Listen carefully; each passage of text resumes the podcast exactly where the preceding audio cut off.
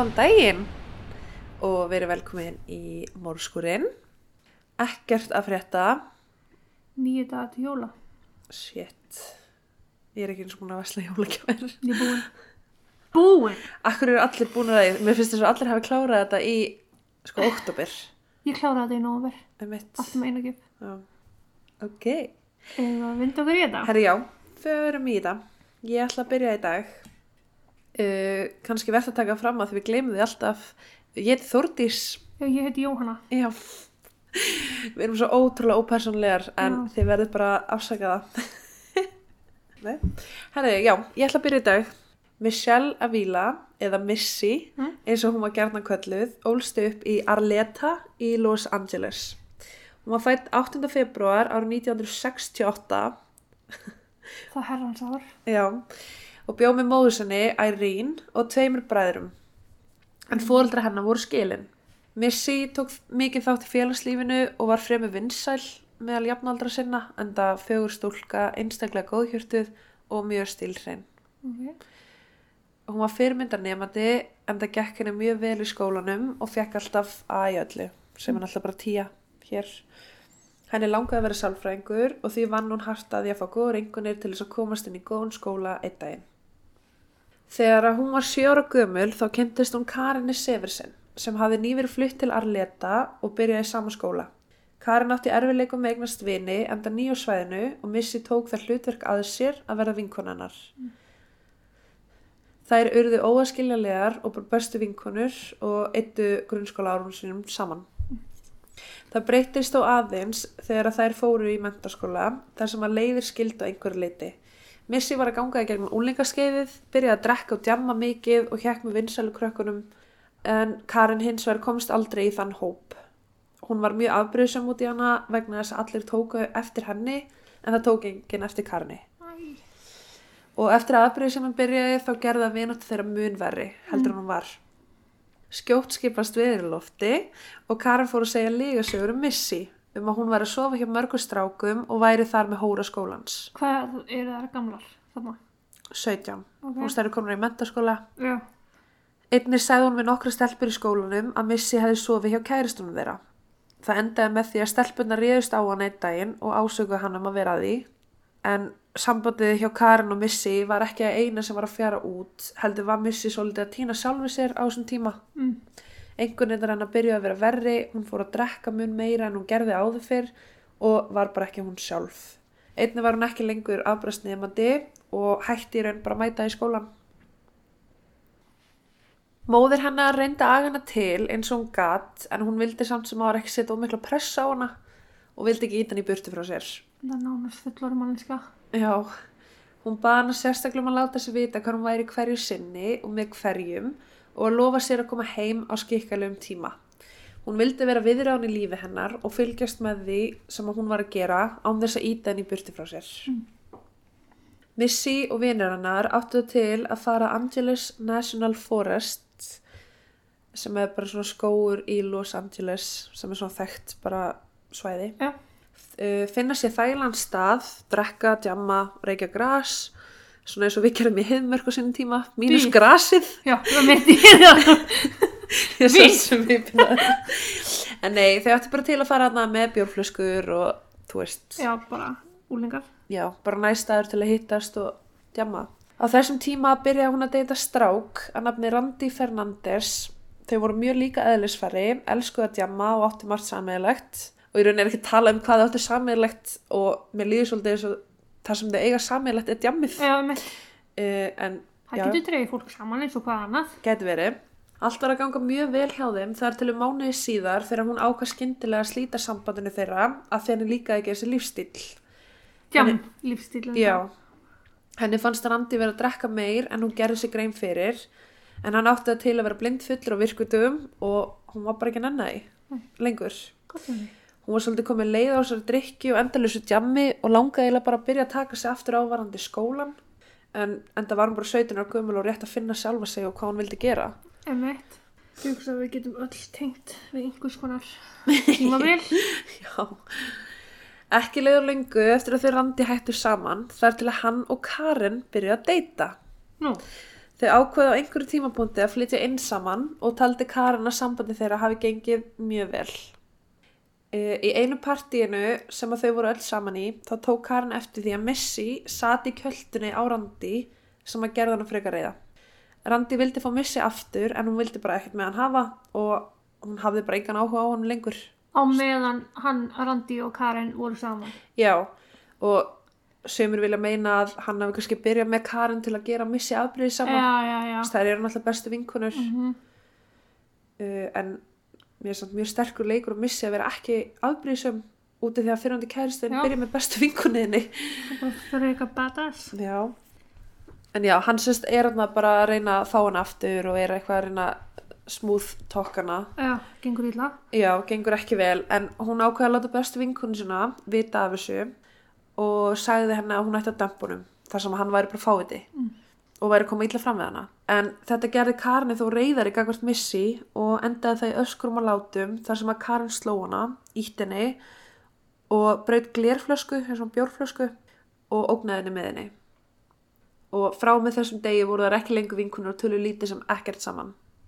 En Karin held í raun að Missy væri bara að reyna að eðlika sambandi þeirra Já, en við hverju býstu, þú ert að byrja með fyrirverandi vinkuna hennar. já, um mitt Og hvað var Randi bara saklaus eða? Í hennar augum? hjá Karni, Já, ég þetta var bara Missy, þú veist, hún bara var svo ótrúlega afbrýðsam út í Missy að hún var bara eitthvað, herri, Já. þú ert bara að reyna hérna við kærasta minn, þú veist, látt hann vera. Tíu dögum eftir þetta atvik þann annan óttubur árið 1985 þá er það ennþá 17 ára sagði Missy móður sinni að hún ætlaði að fara út og hitta vinkonu sína Laura Doyle sem með henni í skólanum.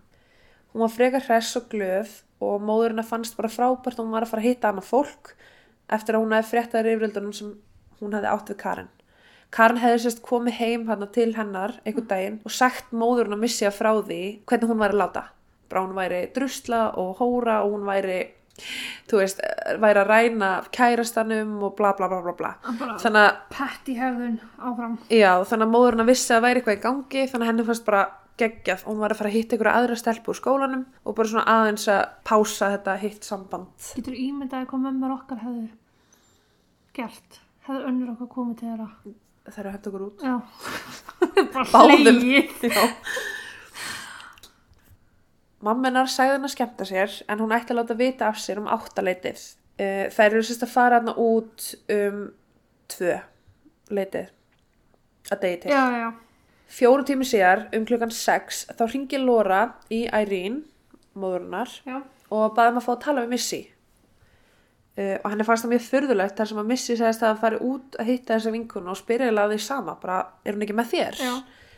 og Laura segir henni frá því að hún hefði skuttlað henni einhvern garð þar sem hún hitti tvo stráka sem voru á bláum kamarubíl og hún hefði farið að taka bensín en þegar hún kom tilbaka voru strákandi farnir Laura gerði þá bara ráð fyrir því að þeir hafi skuttlað henni heim og ákveða aðtöða hvað varði um hana. Já. og fannst svolítið svona, akkur það beila mér? Í nú bara eitthvað ég fór og tók bensin sem kemur tilbaka úr farin Já, Ærín varði raun ekkert ávikið full þar sem að klukka var nú bara 6 og Missy ætlaði að láta við af sér um áttaleiti.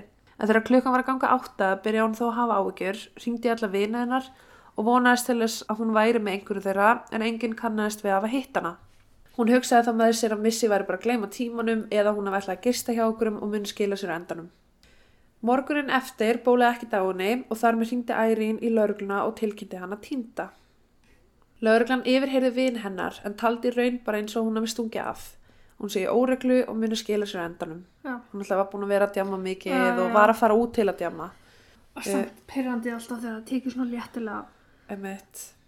5. óttúber kom og hún kom heim að djaminu. Tjók. Máli búið, takk fyrir mig dag. Ég held svo mikið svo svipunar. en já, 5. óttúber kom, þreymdugum síðar. Tveir fjallgöngumenn voru að ganga í Angeles National Forest þegar þeir komu auga á læk sem að rann í gljúfur í skóinum og ákveðu þeir að fá sér vatn að drekka. Þeir sáu hins vegar eitthvað óvennlegt í vatninu og töldu um dýr væri að ræða. Þegar þeir nálguðust sáu þeir að þetta var lík. Æ, Nálagt líkinu var veski og í því var identification kort með nafninu Michelle Avila. mm. Það var því víst að um Missy, 17 ára stelpuna sem tilkynnt hefði verið um væri að ræða. Lauruglan tók eftir því að hendur hennar voru bundnar fyrir aftan bak og var hún með mar á líkamannum. Það voru tæp 50 kílóa timbur, já, Já. sem var 130 cm lengt sem var lág ofan á henni og náttúrulega hún var svipuð í þyngd, hún var í kringum Já. 50-60 kíló. Þar með útilokaði lauruglan að hún hefði getað gert þetta sjálf eða þetta hefði verið slis. Náttúrulega hún var bundin aftur fyrir bak. áberandi verið sa- Já. Og raun var þetta timbur lág þannig á henni að hausin hennar var bara fastur undir vatninu. Bara. Já. Að því að veski hennar var hjá henni og hún var með skarkgripi á sér var ljóst að ekki var um ránaræða. Mm. Þeir finna einni hár nálagt líkinu þar sem að morðingin hafi klift af henni hárið og hendi lækin. En hún var með langt brúnt hár sem náði nýr á mitti en líki syndi fram á að hárið náði rétt svo nýr á axlir og var asnalega klift. Þetta hljómar því eins og mjög persónulegt mál. Jarðaförum var haldin og mikið af fólki mætti en það var mjög vinsæl með jafningi sinna og mjög vel liðin. Þegar æring kom heim sá hún bunga af samúakortum á borðinu heima á sér sem hún fór í gegnum. Eitt kortana var Láru, Já. Lóra, sem hafi verið með henni þennan dag en þar voru samúakveðjur á samt 20 dólarar seðil. Mætti finnast þetta mjög óvinnilegt að einhver sé að setja pening með í samúakort Já. en í rauninni veist, Lóra leið bara eins og þetta væri henn að kenna hún kennt sér um það að hafa skilað hann eftir með þessu strákum Já. og hérna sér bara eftir að hafa ekki bara tekið hann með sér að taka bensin skilur en mér var samt mjög spes ég hef aldrei séð, Peninga í samúrumslægi. nei ég hef ekki séð það áður sko Nei. Í þessum sama skói hafa mitt nokkri raðmorðingjar lagt fórnalum sín, meðal annars fundist líkasleifar Cindy Lee Hudspeth sem var tíunda fórnalamb The Hillside Strangler, Nei. Strangler. Svo var- Strangler. Já, svo var einnig fyrirsættan Kimberly Pandelois nauðgað og endanum drekt í sama vatni á samt því að Perla Valen Valencia var barinn til bana af hálfsýstu sinni.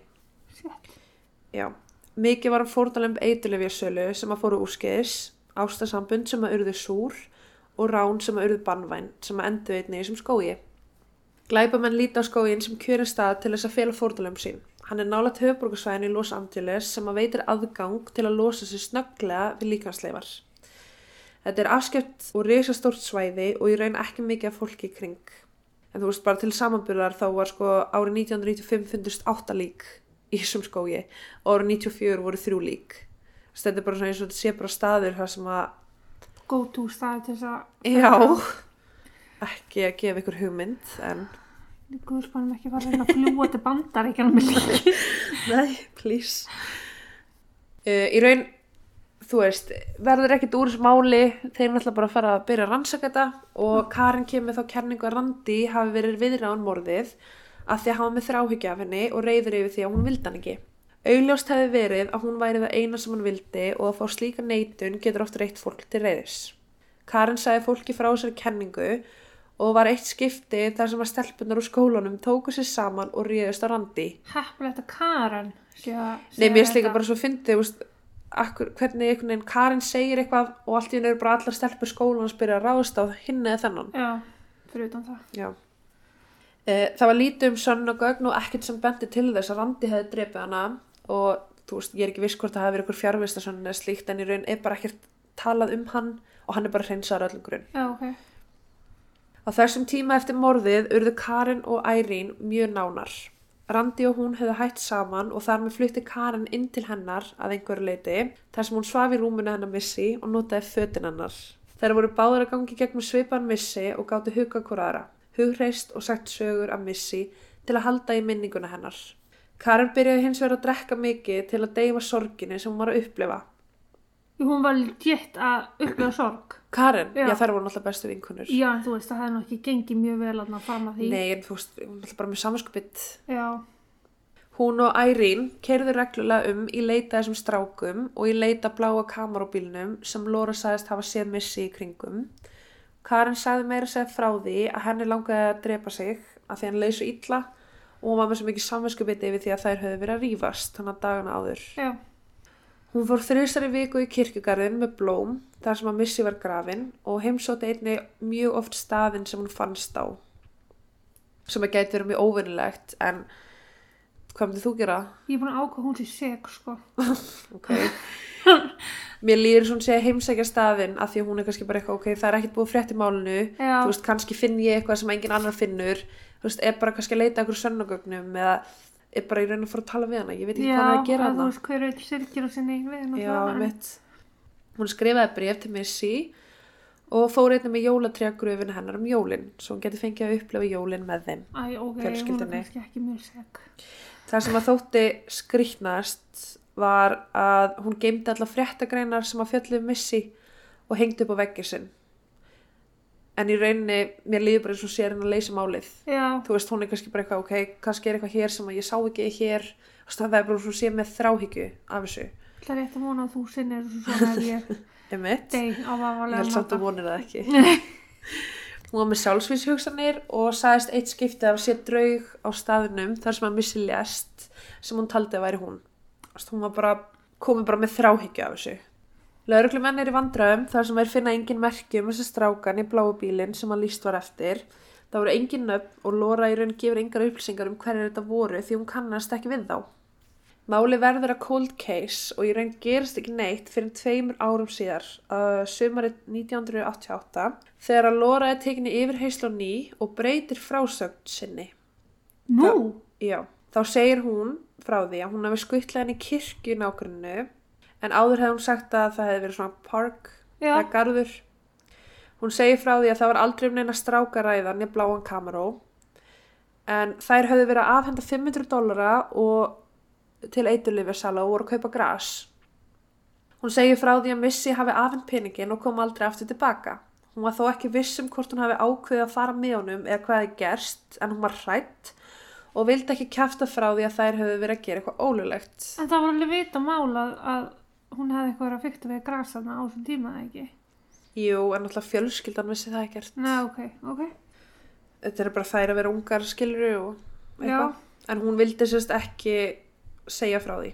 Nei. Að hún var í raun bara að hilma sjálfu sér og í raun.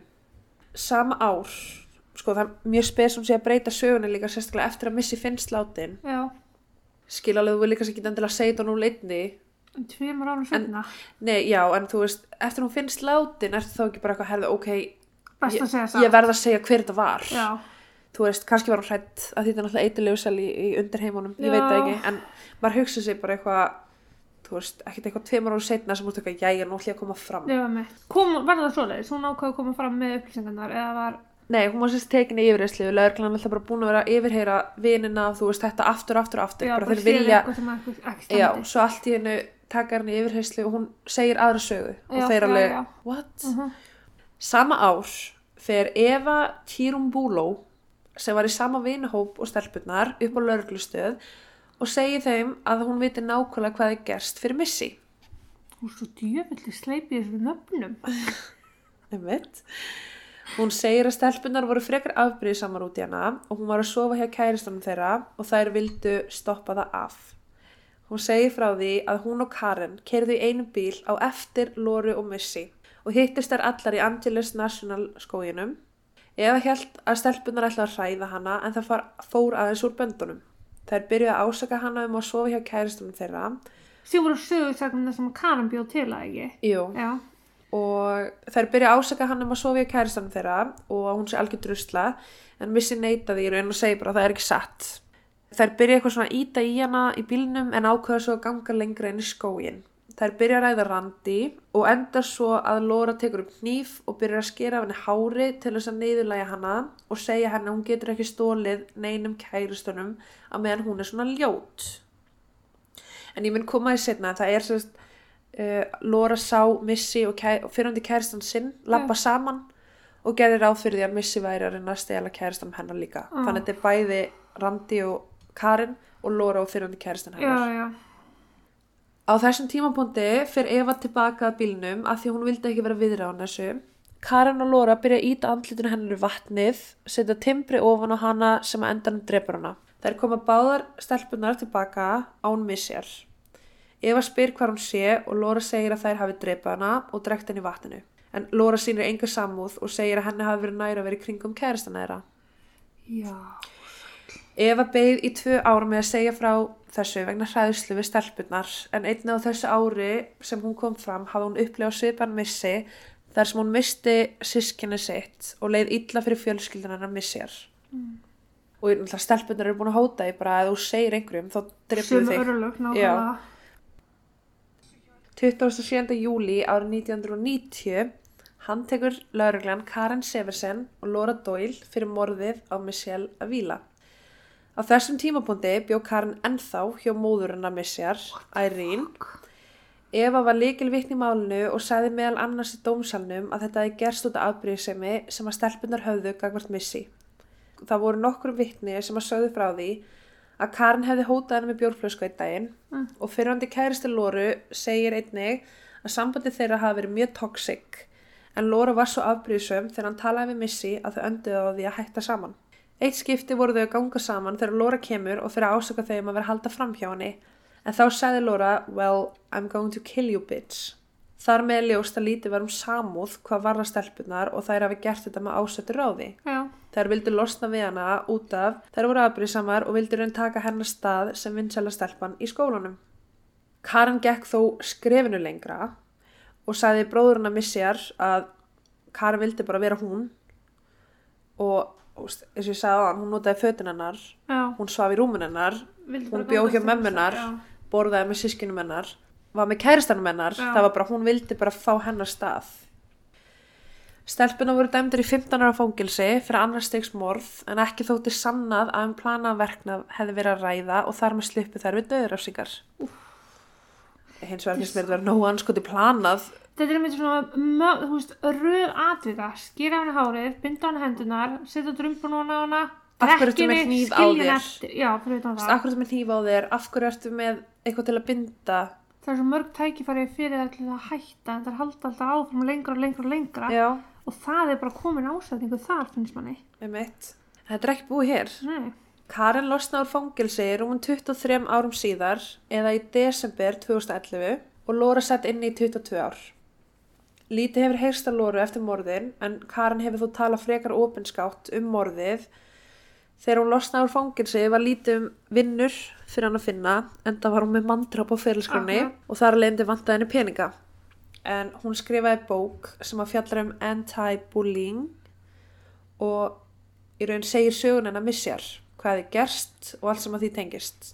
Selur söguna hennar. Já, hún seldi bókin á Amazon og var það í raun hennar leið til þess að fá peninga þrátt fyrir að hún hafi neita fyrir það að vera að gera þetta út af peningum. Hún var sérst í raun að segja að hún var búin að læra mistökunum sínum, þú veist, einelti er ekki lægi og hún vildi bara koma því í hausuna fólki. Já, já. Fjölskyldan hennar Missy var að sjálfsög ekki sátt með þetta. Árið 2015 kæraði Karni og í kjölfari voru gerð svo kallið Missy's Law sem að gera það að verkum að morðingir fá ekki að hagnast af verknæði sem þeir fremja. Þar leiðandi endaði það svo að bókin hennar Karnar var færið í 0 krónur Mm. og engin hagnaður sem koma að henni lengur. Gott. Það fáralegt að, sérst, að aðilar fá hagnast á dauða annars Einmitt. sem að þeir ollu. Sér til velfarnar. Er það lög um... Karen, hún fór einnig í Dr. Phil þar sem hún segir frá því hvað gerðist en hún segir þó aðeins öðru þessu sögu heldur en Eva. Hún segir raun að hún hafi verið ungu vittlaus. Atbyrðið voru svo að þau fóru öll í átt af fjallinu þar sem þau voru vön að reykja gras. Hún segir að hún hafi ekki myrt hana en það versta sem hún gerði var að snúa baki hana þegar hann vantaði hjálp. Þær byrjuðu að rífast í hennu um að þær vissu hvað Missy hefði gert meðal annars með Randi og fyrir hann til kærastan hennar Lóru. Þær gengu áfram inn skógin en Missy ákvað að stoppa, setjast niður á stein þar sem hún sagði að hún ætlaði ekki að fara lengra. Og Karin sagði, já, ok, gangið vel að komast heim. Já. Þeim fannst hún ekki vera að sína neina yðrun gagvart í að vera drusla og ákveðu þær að skera af henni hárið. Karin byrja að ganga aftur á bílnum, notabene, þetta er eitthvað sem hún segir sjálf Já. og segir að Missy hafi ekki grátið en hún hafi hvæst á þær um að hætta þessu. Mm Missy og Laura komu aldrei á eftir Karni, hún heyrði öskur og rifrildi og hún sá að Laura var hægt að róla að ganga að vatninu og var að segja Missy að koma til sín. En á einhverju tímapunkti sagði Laura við hana bara, Karin, ætlar bara að standa þarna, ætlar ekki að gera neitt. Já. Karin fer þá og ítir Missy áttina Laura sem var komin út í vatnið og enda á því að tók hana með sér ofan í. Karin segir á þessum tímabúti hafa hún og Missi átt í auksambandi og það versta sem að Karin hefur gert í lífinu var að líta undan og snúa baki. Hún segir í þættinum að hún hafi, vil, hún hafi ekki vilja hjálpa henni. Hún var bara svo búin á því og þar með segir hún að hendunar hennar hafa ekki drepið hana heldur aðdamnarleysið. Já. Og sko að hlusta á hún að tala, hún talar, ég hlusta á dótturfélag þáttin, hún talar svo óbeskátt um þetta og hún er bara eitthvað, hún grét ekki, sko, allt í hennu grætur hún eitthvað á tíundu mínútu Já, en hún grætur ekki og hún talar svo óbeskátt um þetta bara hvað gerðist, hún sýnir enga samúð nei. Svo kem- já, og svo þegar þú veist svo, það var eitthvað sem spurði hana bara hvað, þú veist, af hverju að búa til þessa bók? Af hverju gerir ekki eitthvað annað? Já, og hún bara hvað ég fara að selja með það? Þú veist, ég er með dóma á mér hvað ég gera. Hvernig á ég að fá pening? Fullt af fólki sem snúið við blæðinu og haldið á einmitt, lífið, sko. snúði við blaðinu það er ekki eina sem hún getur gert er að fara og, og selja þið sko. Eða þá að skrifa um bók og hagnast á dauðanum hennar eitthvað sem að þú gerðir. Það er fengið 15 ár og svo náttúrulega þetta þetta hafi ekki verið planað. Mér fannst þetta að vera nógu anskoti planað sko. Já, ég myndi alveg Þetta En- gerist ekkert óvart nei þetta gerist ekki óvart sko. líka bara og þetta er líka bara afbrýðið sem og eins og Karin segir sjálf, hún sagði í Dóttarfyll þættirum eftir að vera búin að vera fangilsi hún sagði, ég hafði enga samúð fyrir þessu veist, og hún segir mér þess að henni langaði ekki einu svona hjálpunni veist, hún var bara svo andlega þreytt á öllu að hún var að eiginlega sambandi sitt og hún bara, ég held að henni bara finnst geggjað að losna við hana. Það er sérst til mynd um þetta sem að heitir A Killer Among Us og ég ætla að setja hana á Facebook af því ég fann hana á Facebook. Mm. hún er frá 92 og í raun er þetta bara þú veist, þetta er bara þetta mál. Já, þú veist, þetta er bara nákvæmlega hvað er að gerast í málinu og náttúrulega önnur auka atriði sem að ég veit ekki hvort séu sönn eða hvort það hafi verið búin til fyrir myndina til að búa til ákveðna sögu. Akkurat en þú veist, þetta er mjög átakileg mynd vitandi til þess að þetta eru actually eitthvað atbyrði sem að gerðist Já, mér finnst hryllilegt að heyra þetta með bestu vinkonur sem að snúa svona. Já, þú veist, hún segir til dæmis sjálf frá I murdered my best friend then went to her funeral so police wouldn't suspect me. Og hún segir líka í þessu viðtali frá því að ástæða þess sko, hún neytar því að hafa flutt inn á fjölskylduna en lauruglan og fjölskyldan segja að hún flutt inn til Það þeirra. var ekki eitthvað í fimm mínútur, þetta var í tvö ár. Emitt, og hún, hún neitaði að hafa gert það. En hún sagði samt sem áður að hún hafi gert það sérst, hafi verið svona viðrán fjölskyldinu vegna þess að hún vildi hafa beinar upplýsingar um hvað var í gangi hvort það væri verið að ná henni eða ekki.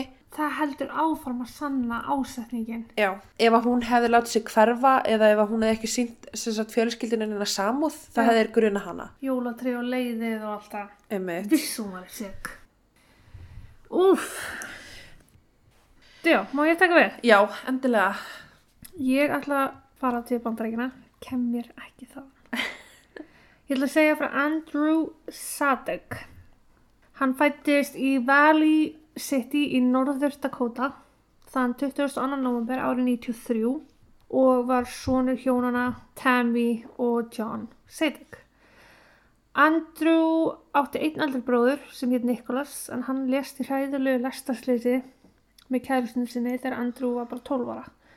En þeirri bræður hefði alist upp á litlu sveitabæ með fóröldur sínum í Rogers í Norður Dakota þar sem þau voru með nöyt gripabú. okay. Andrew gekk í Valley City High School fram á úlingsárin og fór síðan meir í North Dakota State College of Science og lærði þar einhvers konar rafvirkja, svona raftengt nám. Uh, honum er lýst sem svolítið tilbaka karakter. Hann var feimin og hlétrægur og mjög þögull. Mamma hans segir hann að vera ofbúslega ljúfur en ofur varkár. Hann lét lítið fyrir sér fara og að andlót bróður hans hafi skiljanlega tekið gríðarlega á hann. Uh, en þeir voru mjög nánir og mikil vinætt á þeirra á milli. Þegar Andrew byrjaði í þessum College of Science þá flutt hann heimavist eins og þessu algengt í skólum í bandaríkunum og samkvæmt herbyggsfélagi sínu þar hafði Andrew tekið lítinn þátt í félagslífu skólans en hafði stundan námið sitt mjög vel og verið mjög góða nefandi. Hann fekk góður yngunir og hafi allra helst vilja bara rúla um á hjólabrettinu sínu. ok Við dvöl hans í skólanum fannst fjölskyldan hans þó hann vera opnið meira. Hann tók út mikinn þroska þar og sjálfströstið hans hafði auglustlega aukist svo ummunaði. Hann egnaði skoðu vini og nautast að fá bara frelsi frá fólkið sinum.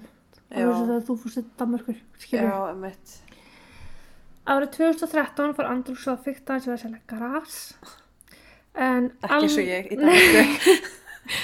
en algjörlega án þess að margir í kringum hann vissu. Þú veist, það vissi bara enginn í kringum hann að vera að selja gras. Já, ok. Vert er að taka fram að í Norður Dakota á þessum tíma eru lög þess efnis að sala fíknefni innan svo kallega college campus eða skólasvæði bara flokkast undir Class A felony Já. og refsingin eftir því og getur viðkomandi þurft að setja af sér heil 3-10 og alveg upp í 40 ár í fangilsi Sæl. á samt heiminn háa sekta og það er sko gjössalega óháð magni fíknefna. Ok. Það er sérst bara 1 kíló, 20 kíló. Já, bara 30 ár. skiptir ekki máli. Þú bara getur fengið svakalega þungandóm óháð því hvort því 1 gram eða 10 gram. Já, Bara góð forvörn. Já. Andrew var auglustlega engin stór sali eða sí ábrotamæður að það vildi svo óhefilega til að hann seldi í tvígang aðila öðru nefnda í skólanum gras sem var að starfa sem svona hálgeri uppljóstari Já, fyrir, ok. fyrir Já, laurugluna eða svona eins konar teimi innan lauruglunar sem ég útskýra hans betur eftir. Ok. Í fyrra skiptið þann 4. apríl árið 2013 seldi Andrew þessum einstakling 3,5 gramma grassi á bílastæði skólans fyrir 60 dólara og svo aftur þann 9. apríl á sama stað og þá bara 1 gram fyrir 20 dólara. Þannig að enga stór upphæðir eða mikið magna fíknefnum. Hann hjælt svo lífinu bara áfram alveg grunlaus um að hafa selt einhverjum uppljóstrara gras því ekkert var gert í málinu fyrir 21. november sama ár. Það þá sko hálfári síðar. Já.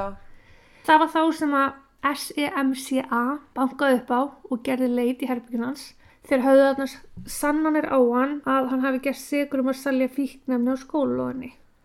Hann gaf bara skilus leifi fyrir því að þeir myndi leita í herbyggin hans Ok. og þar fannst kvörn, eða svona grændir, Já. með smávægilegu graslifum í. Hann veið ekki fúslega á það og virtust aflegunar ekki að ætla að vera neinar. Hann var hvorki handikinn eða ákjæru fyrir þetta, en það var þetta ekki neitt magn af Nei. grasi. Þeir skildu við hann með þeim orðum að hann að hitta það á lauruglustum deginum eftir. Það er sérst þannig á þessum tíma starfandi flokkur af lauruglumunum sem kalla sig SEMCA Sem er svo fíknefna dild. Já, en samt sko sem að einblýna einungis á þetta. Campus. Já, bara að Já. nappa svona minnisölumenn til að minka álag á dómskerfið Já. í Norður Dakota. Þá er brotamönnum bóðið að standa undir ákæru eða vinna í einhver nokkur skipti sem uppljóstari innan lauruglunar eða fyrir laurugluna og þeir þurftu þá að kaupa fíknefni af hinum og þessum eða selja hinum og þessum. Hvað greiða þeir á því? Verða ekki ákærðir. Ah, sniðugt. Þeir þurftu að vera með hljóð upptökubúnað eða svona wire Já. Tengda við sig og þá skila upplýsingum til þessa teimis sem myndur svo gera viðegandi ráðstafnir af einhverjum tíma liðnum eins og það gert við hann. Veist, hann seldi einhverjum hálfaru síðar Já. að tala með hann þannig að hver einn einstaklingur er grunlaus um hver Já. klaga hann skilur. Ég veit.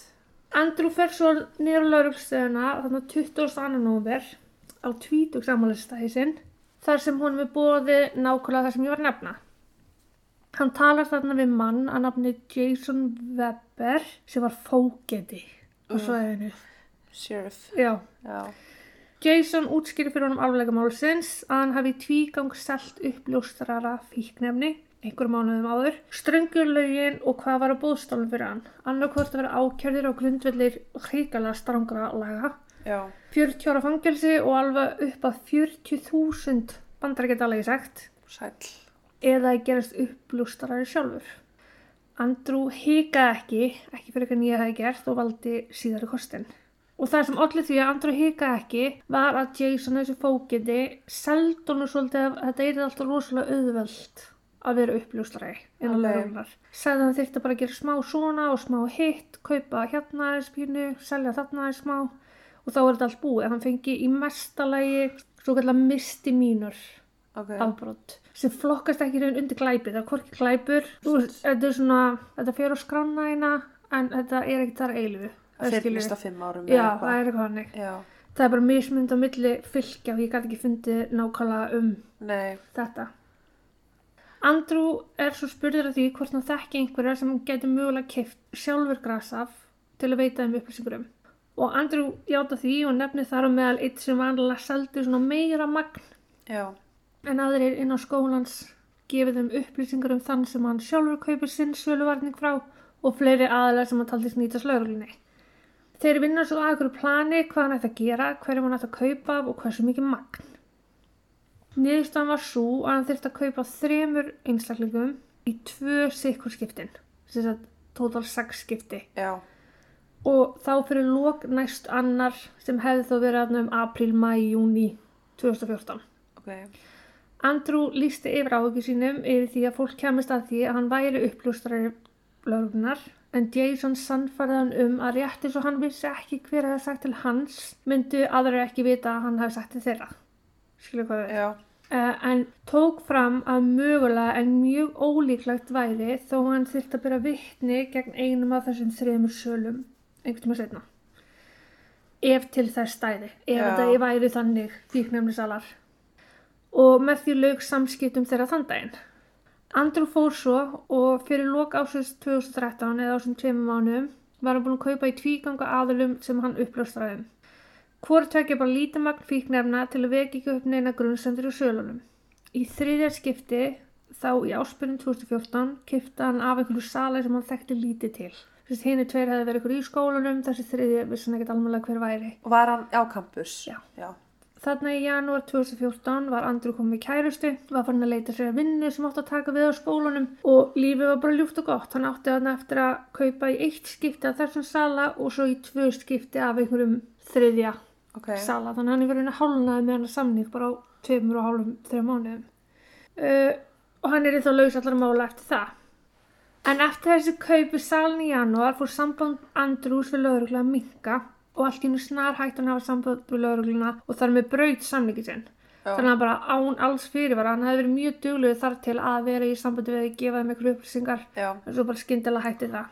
Í þeim tilvikum þar sem uppljóstrarar slíta öllu sambandi og samstarfi við lauruglu er sett út handtökurskipun á viðkomandi og ströngulögin sem ég nefndi fyrr, Já. þau taka bara við. Já. Þannig að hann, sérst bara samningurinn er brotinn og hann Já, þú farið ekkert er nefnir bara fyrir horf. Já. Einhver hægagangur var þó í lauruglunni í þeim málum því Andrew virðist það bara að lifa venjulegu, eðlulegu lífi farum í lok apríl árið 2014. Þannig að þú veist lauruglan ákjærn ekkert, að þú gerði ekkert í þessu. Ok. 25. apríl hafði hann skroppið á sveitabæ fólundur sinni í heimsókn. Hann fór svo aftur heim til sín eða á skóla heimavistina kvöldi 27. apríl.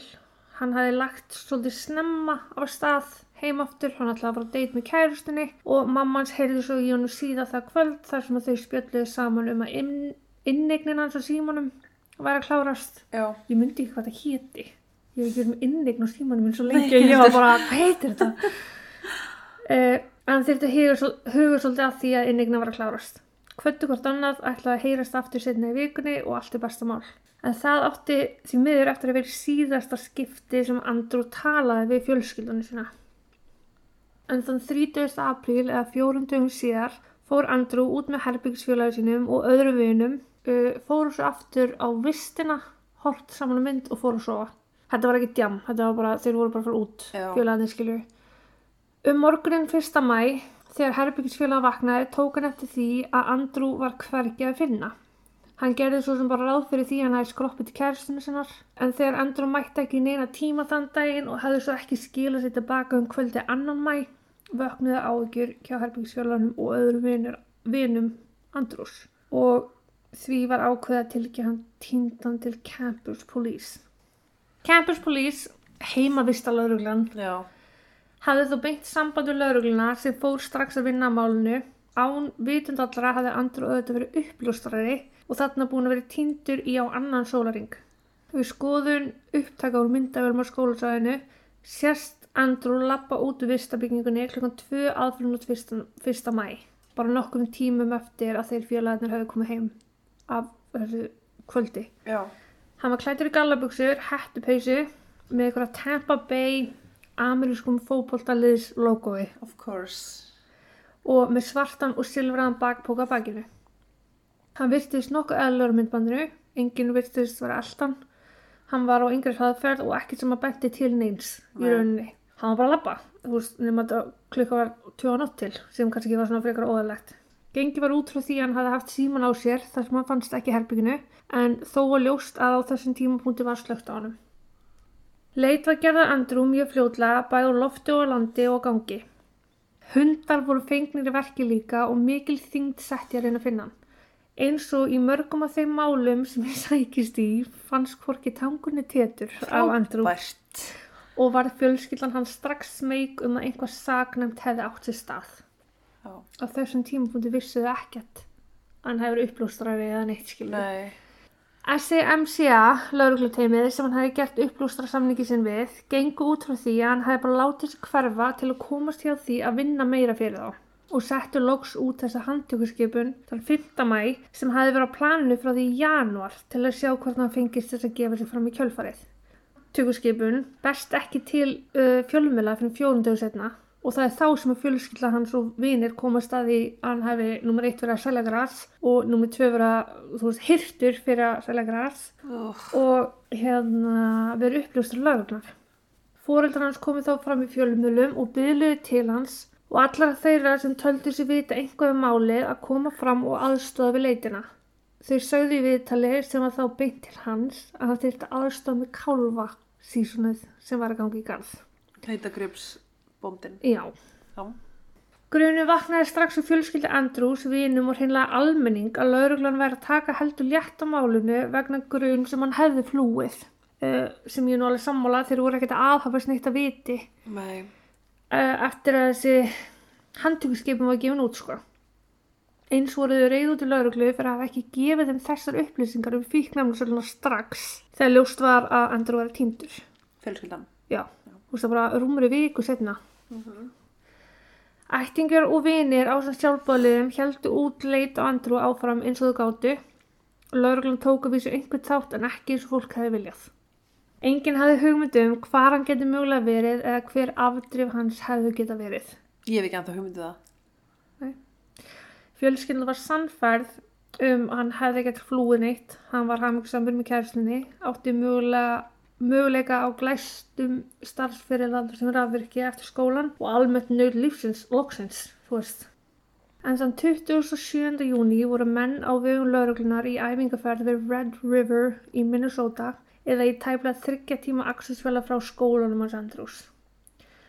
Lauruglan var við köfunæfingar uh, í þessar á þegar fundust líkamsleifar í vatninu. Líki hafði skot á eitthvað höfði og var síðar eða í ágúst sama ár staðfest um bara ræða Andrew Sadek. Þess að tók svo langa tíma þurfti að var bara líki var það Ítla farið. að þurfti að staðfesta með tannlæknagögnum. Strax vöknuðu spurningar um hvort að eh, um var að sjálfsvík eða hreinlega morð.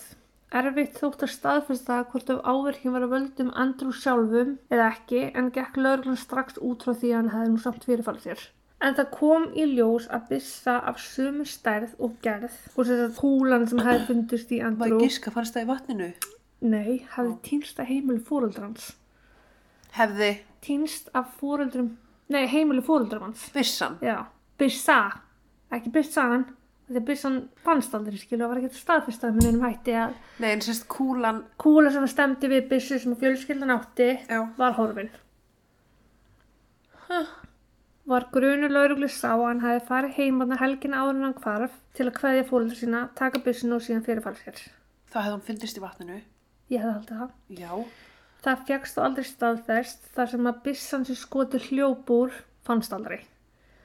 Þarna byrjar ágreiningu lauruglu og fjölskyldunar. Lauruglan gaf lítið, nánast ekki neitt til fjölmila, en mamma Andrews er svo sem að segja frá öllu því sem ég nefni hérna. Ok.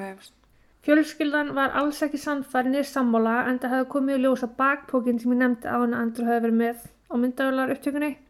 Uh, hann var á bakinu á honum, á líkinu, fullur af þungum steinum. Og þar auki hef, hefði bakpókin verið svona bundin rækjala utan um mitti á honum. Hvernig var hann þegar hann lappa á eftirlýsmyndaðalinni? Ekki svo leiðis. Nei. Uh, hann hefði ekki heldur verið í sumu fötum uh, og hann hefði séð síðast í.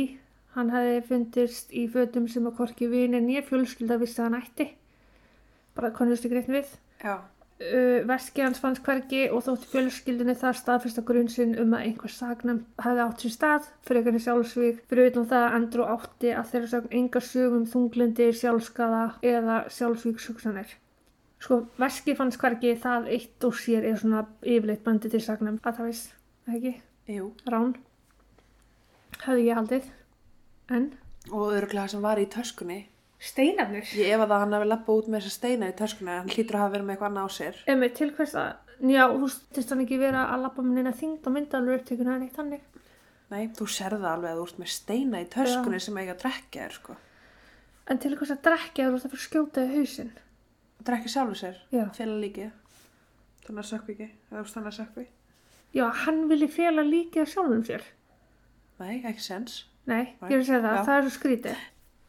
Nokkru mánuðum síðar, eða í desember 2014, sagði mamma Andrews frá því að þegar bíl Andrew fannst á skólaljóni, fenguðu allt sem hefði verið í bílnum eftir að muninur hefðu verið rannsakaðir ásamt því að þau fengu bílinu sína endur. Skil, skildur það? Já, munirnir voru rannsakaðir og þeir fengu allt úr bílnum. Já, og bílinn líka. Já. Fjölskyldan eðlilega skoðaði bílinn og komast að því að bílinn var rennandi blöytur. Pollur hefði fundist í skottinu þar sem að varadekki er geimt og hefði kjölfarið byggði lauruglu um að leita í ám og vötnum í kring sem að lauruglun hafði ekki gert. Ég meina, var lauruglan með bílinn í korter eða Negur dagar sko. hvernig var hann ennþá blöytur? Það var bara pollur í, þú veist, bara pollur. Í bílnum? Já. Það þotnar ekkert nú leitnis allt sko. Nei, bara þú veist, akkur er lauruglan... Bara framtagsleysi, virðist ekki það Ég er, að se- ég, Já. já. Ég er að segja, akkur er lauruglan að gefa frá sér bílinn og sörnögum, skilur, af hverju... Þetta er eitthvað sem að þau... Þeir sáu bara ekkert aðtöðavert við þetta, Þeir virðist eiga vera. bara leggja halda á þetta þar til að... Það hefði bara verið hrein og bein tilviljun að Andrew hefði fundist þarna í Red River tveimur mánuðum eftir hvarfið og þegar hún bara í einhverju æfinguferð. Hún sagði einni frá því að hún hefði frétt á sömu nótt og Andrew hvarf hefði sérst í þryggja einstaklinga að þrýfa bíl sem að svipaðist til bíl Andrews. Það hefðist ekki að staðfesta það, myndavelnar og bílastöðinu hefði nefnilega svo óhefnilega ekki virkað þess að dagi Ah. kringum hvarfið. Akkur notur þeir ekki lúminól? Hvort það var eitthvað blóð, já, veit ekki. Þeir hálur úrlega gesta. Þess að þú getur alveg tekið slöng og spúlað. Smúlað. Spúlað. Ég ætla ekki að ræta þig. Þú getur alveg tekið slöngu og spúlað inn í bílinn. Já. Þú veist, allt blóð í burtu og það er lendi pollur í bílnum ef hann hefur kannski verið skotin inn í bíl. Já, En þú veist, akkur þá ekki að nota lúminól og þeir hafa alveg örgulega gert það sko. nú er ég ekki að vinna þarna. Þetta er akkurat með þessi málum að fyrir að búa til og reyna að fylla upp í eðunar Já. sjálfur. En í kjölfari af öllu þessu þá fór hún að tala við fréttastöðar og blöð um hvers vegna máli væri ekki fært til einhverja sem getur leist máli betur, til dæmis FBI. Já. Hún dró stórlega í, Eva að lauruglan sem að syndi málinu hefði einhverju burðið til þess en það ekkert gert í þessu. Hún stopnaði Facebook síðu þar sem hún var með reglulegar áminningar um són sinn og byðlaði til yfirvalda um aðstóð í vonum að einhver þessari margar laurugludelda í bandaríkjunum tæki að þessu málið og tæki það alvarlega. Greinlega eru bara fullt af laurugludeldum í bandaríkjunum sem að geta stegið inn í. Mm Öll í nágrunnu, þú veist, og svo er líka deildirnar, það er lauruglan í ákveðum bæjarfélögum og svo er síslan Já. sjálf sem er stærri. Þetta er þessi raun síslan hálgerð sem er að skýta på bak. Eðlilega í kjölfarn málsins vöknuðu spurningar almennings um hvort að þessi upplústunar aðferð SEMCA væri sniðug. Fóreldra Andrew vildi að rannsóknir í gerð á teiminu sem var svo gerð. Þrýr aðilar voru fengnir til að meta teimið og aðfyrir þeirra og var niðurstann svo að ekkert aðtöðavert væri við starfsemina eða, sagt, hvernig þeir háttuðu hlutum. Ó, getur verið sé að fá laun frá sama aðila? Uh, mögulega. Það kemur mér hildalega óvart. Andrew var nefnilega ekki einu uppljóstrinn sem hefði fundist látin eftir að hafa unni fyrir svona svipa teimi. Í Flórida var 23 ára komið stelpa Rachel Hoffman virt árið 2008 þegar hún starfaði sem uppljóstræði þegar hún var reyna að kaupa fíknefni af mjög vafasöfum mönnum og ekkert lítið magn, hún átti að kaupa 1500 pillur Sæll. 26, nei, 56 gram af kókaini og tvær skambisur. Stelpa sem hefði bara verið að reykja gras. Hún hefði aldrei verið að fyrta hana. kókain eða komið náð skotafnum. Salandi sá í gegnum hana, rændunni og síðan skötu og skildi eftir í skógi. Þá hefði lögreglan þurft að viðkynna að jú, hún hefði nú ekki hlotið viðandi þjálfun til að takast á svona verkefni. Í kjölfari voru því sett lög í Flórida þess afnis að uppljóstrarar þyrft að hljóta viðigandi þjálfur til að geta starfað sem slíkir. Þetta er sérst í Flórida, í öðru ríki, sem að segja, þú veist, lögin þurfa stundum að eiga við all helvitisbandaríkin, sko. Ég- Akkur geta þær ekki bara sémyndir sjálfur? Já. Þú veist, af hverju vera að pína ykkur að krakka sem að, sem að reykja gras í að gera vinnuna fyrir þá, skilur við? Emmett. Annað svipamál var þegar Thomas Beerson, 18 ára í Norður Dakota, eins og Andrew, fekk sama samning og honum hefði verið bóðið.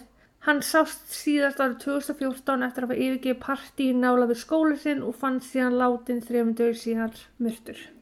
Lauruglan neita þó allir tengingu við þann strák en vinir hans og fjölskylda staðfest að hann hafi líka verið að starfa sem uppljóstræði. Já. Fóreldar Andrews kærðu svo bara fylkið Norður Dakota fyrir að ekki tekist að venda són þeirra sem uppljóstrara innan SAMCA teimisins. Því miður var svo ákæra dismissed. Hvað orðið? Henni var bara að vísa frá. Já, núna á þessu ári. Þannig að hún var bara í ferli ógeðslega lengi og svo bara vísa frá. En árið 2017 voru búin til ný lög kölluð Andrews Law sem að svipa til þeirra laga sem voru gerð í Flórida. Þessi lög sem eru gerð til að venda uppljóstarara, veita þeim viðunandi þjálfun og fá viðunandi staðfestingar að viðkomi viti út í hvað hann er að fara. Einnig að þeim sem gefi greiður aðgangur að bakka út af samningunum hvernig sem er. En það mikilvægast í þessu eru að lögin segja að ef þessu óheppilega vildi til að uppljóstrar á vegum þeirra skildi deyja skuli hrinda til rannsóknar á málinu án allar mann hvaða. Já.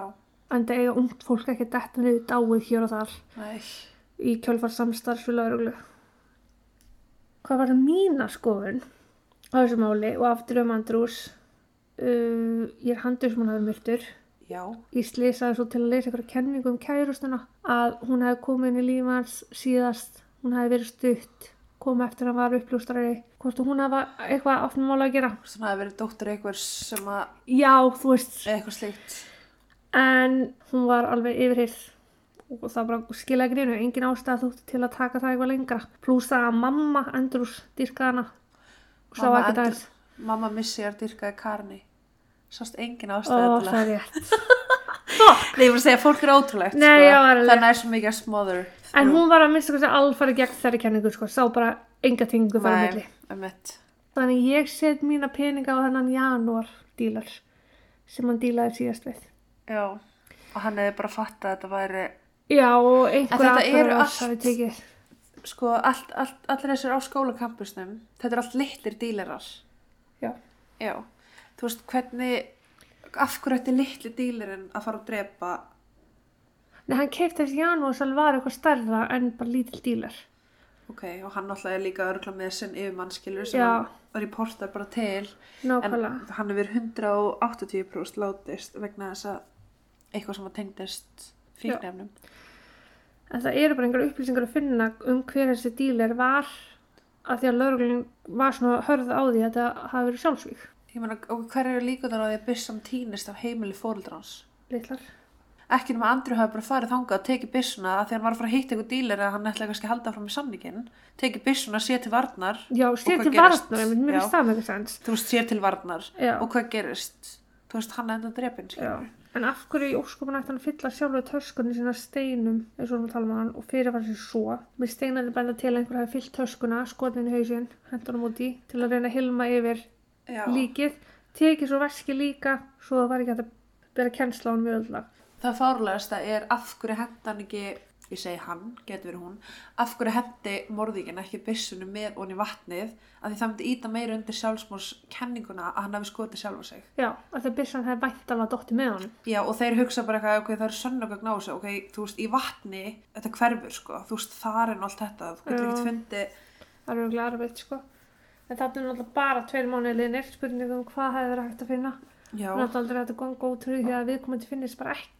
að Það er að að. En svo er allir hérna spurningar. Akkur, akkur fór hann lappandi? Akkur tók hann ekki bílinn sinn? Af hverju var hann komin í önnu föt? af hverju fannst bílinn hans blöytur, Mm ef hann var ekki á bílnum? Hann var ekki bílinn sjálfur, sko. Nákvæmlega. Það var ekki að vita það að því að myndaðalina var slögt á þeim. Eða það voru bílaður eða eitthvað. Já, en þessi aðlar sem að sást þrýfa bílinn, Það var ekki hægt að staðfæsta neitt um það að því myndaðalina voru bílaður. það var ekki einhver vitni sem að gáttu, Þetta er bara eitthvað sem að mamma frétti. En það var ekki hægt að veist, og var ekki hægt að segja til um hvaða aðalega þetta hefði verið. Nei, þannig að enn einn morðinginn gengur laus. Já, Grét. þannig var það. Og í hvað er pyrrandi mál? En Ah. þetta er fáralegt, sko. En já, herðu, bara takk fyrir okkur í dag og við minnum á auka þáttinn á lögadaginn. Já, Mjög skemmtilegt mál lökum og ég segi sjálf frá.